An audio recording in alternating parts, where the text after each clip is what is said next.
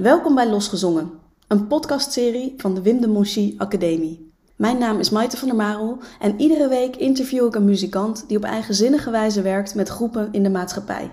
Ik ben benieuwd wie ze zijn en waarom ze doen wat ze doen. Hoe hebben zij zich losgemaakt van de gebaande paden?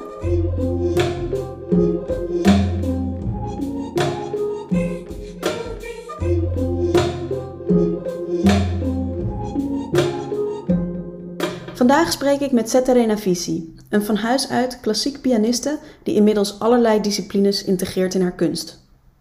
Setere groeide op in Iran, waar ze worstelde met het systeem dat haar onderdrukte als kunstenaar en als vrouw. Ze maakte zich los om haar eigen weg te zoeken en emigreerde naar Nederland. Hier ging ze op zoek naar manieren om via muziek en storytelling niet alleen haar eigen verhaal, maar ook het verhaal van anderen hoorbaar te maken. Het interview is in het Engels. Um, well, I'm a musician. I do different things with sound. Um, I compose, uh, I improvise. Um, my main instrument is piano, but I'm uh, using my voice more and more.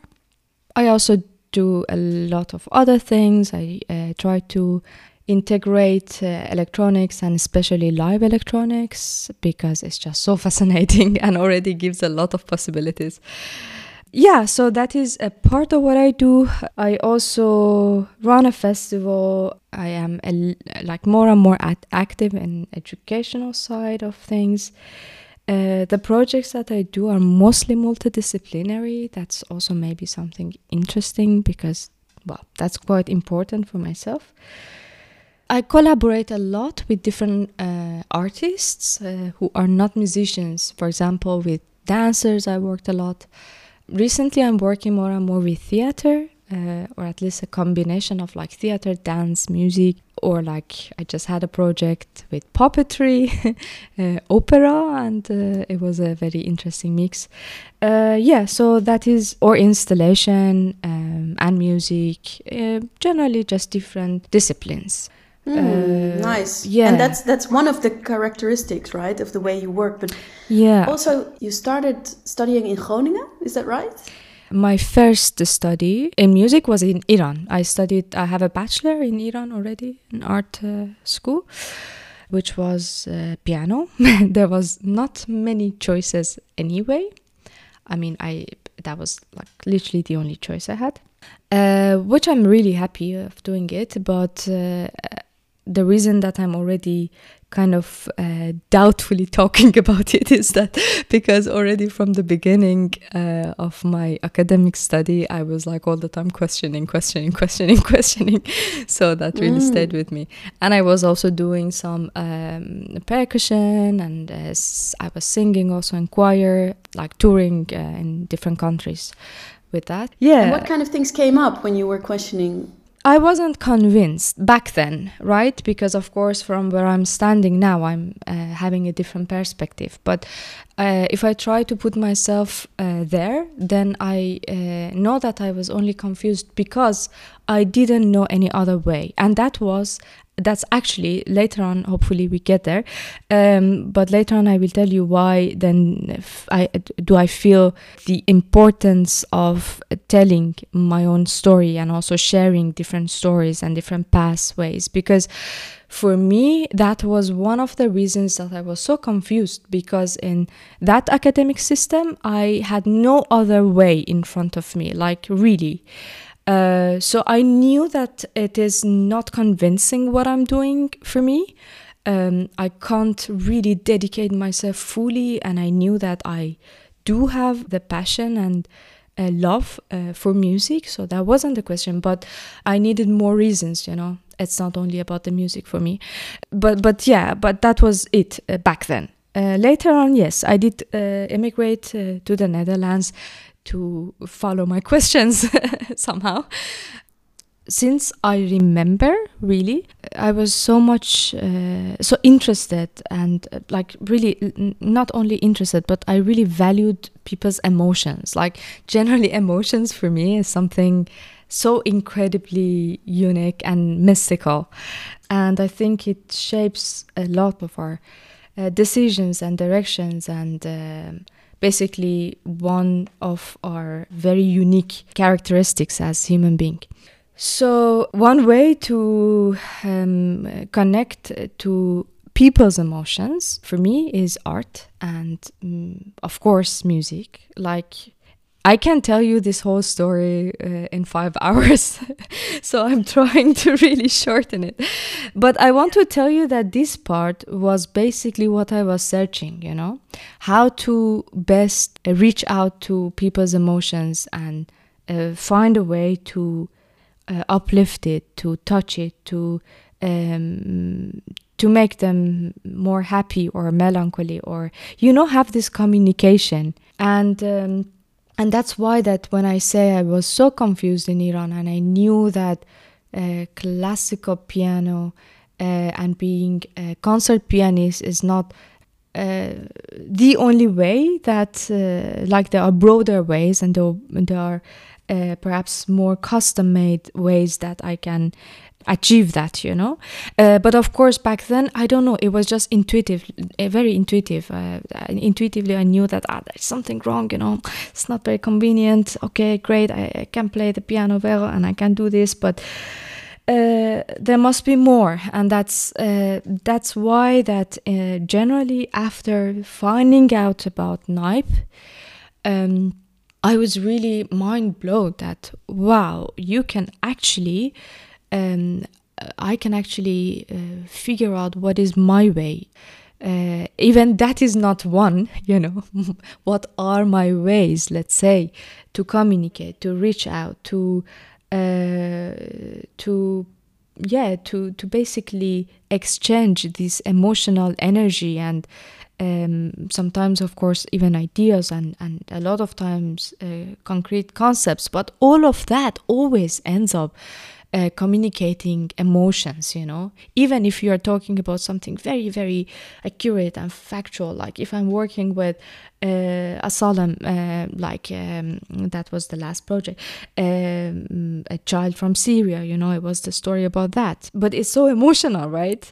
And uh, and it, but it is very unique and custom made for uh, for the time uh, and for the people. And this was important for me because i really needed to react uh, to the time and, and and really at least what i think is really needed you know that oh okay well now i really want to talk about this subject or I, I try to uh, so that was that was what I found in this study because it just gives you possibility really. You can totally totally totally custom made it and I totally did that. Uh, actually um, I chose composition that wasn't even in the curriculum but they are so open that they gave me the opportunity uh, which was amazing nice. you know. I I I really couldn't find out who am I when I was in Iran um, maybe it was also my experience and my time and generation. Uh, yeah, well, who am I, of course, um, as a person, but also and related to my art, which I think is so integrated that it's impossible to divide them. Um, that was really quite my experience, I think, if I want to compare this to a system. Um, mm-hmm. And what so I you had like, to suppress yeah. who you, you were and what you, and also your arts. Was it also something you had to? Yeah, definitely. yes. Way, well, um, uh, look, it's so um, difficult to take initiative, and that is one of my um, basically personality characters. I like to take initiatives. I like to try to like critically think what uh, needs to be done, what can I do, and then take initiative and start doing that. And I could not do it in Iran at all because, well, everything had a system to go through and i had to do a lot of paperwork and mm, everything is governmental and has a lot of filters uh, basically has a lot of uh, yeah different uh, stages that you can never really get there if you are not connected to right networks you know? Cannot just apply for a fund like this that i can uh, think for myself uh, half a day and write a proposal and send and get a fund you know? That's really what I did and happened six months ago. Um, so so this was quite uh, difficult for me that I have to always do what am I uh, what I am told to do, which many times didn't make sense for me. So that is the, the the key also, you know, like difficult to do things that they don't make sense. Like uh, you cannot just tell me sit here and practice eight hours. I'm not gonna do that.